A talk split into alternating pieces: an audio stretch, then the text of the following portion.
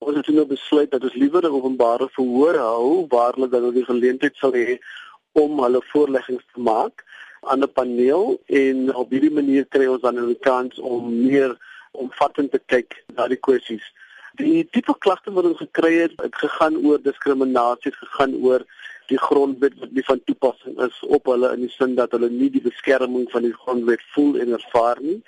Ons het kwessies gekry soos hulle taal en kultuur wat onderspeel word en dan die voorleggings wat wat gemaak is, het dit ook baie duidelik na vore gekom, kwessies soos kultuur, maar veel meer erkenning van hulle as 'n wesenlike onderdeel en 'n deel van die Suid-Afrikaanse samelewing wat gestalte moet kry. Ons bedoeling met die verhore is dan nou om nou hier in Gauteng vandag te hê in die regeringsdepartement te kom, soos justisie en soos tradisionele sake. En dan is die bedoeling om dan nou op die 9de en die 10de Desember Kaapstad toe te gaan want daar is ook 'n baie groot kontingent van koeien van mense. En in April maand wil ons dan Noord-Kaap toe gaan om die prentjies 'n bietjie voller te maak. En dan so hier teen die einde van Mei wil ons graag ons verslag uitbring wat ons dan nou beskikbaar sal stel nasionaal. So hierdie verslag sal 'n samevatting wees van al die kwessies.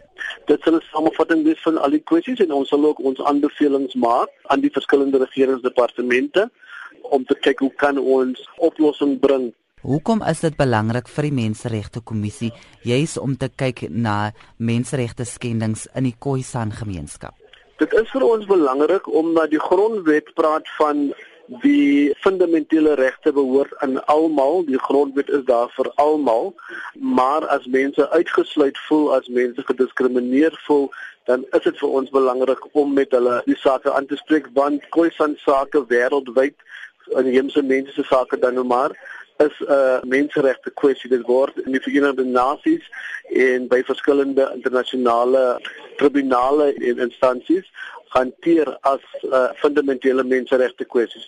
Die reg byvoorbeeld op rooibos steek, die reg op intellektuele eiendom, die erkenning van mense se kulture en ook die taal. Jy sal ook opmerk in die grondwet word daar baie duidelik verwys na die verantwoordelikheid van SAT om dan nou die Nama en die Khoi taal uit te bou en die laaste 21 jaar het daar baie min daarvan gekom en mense voel baie omgekrap daaroor en hulle voel dat hulle is byna terug in die apartheid regering en hulle verwag dit nie van 'n demokratiese regering nie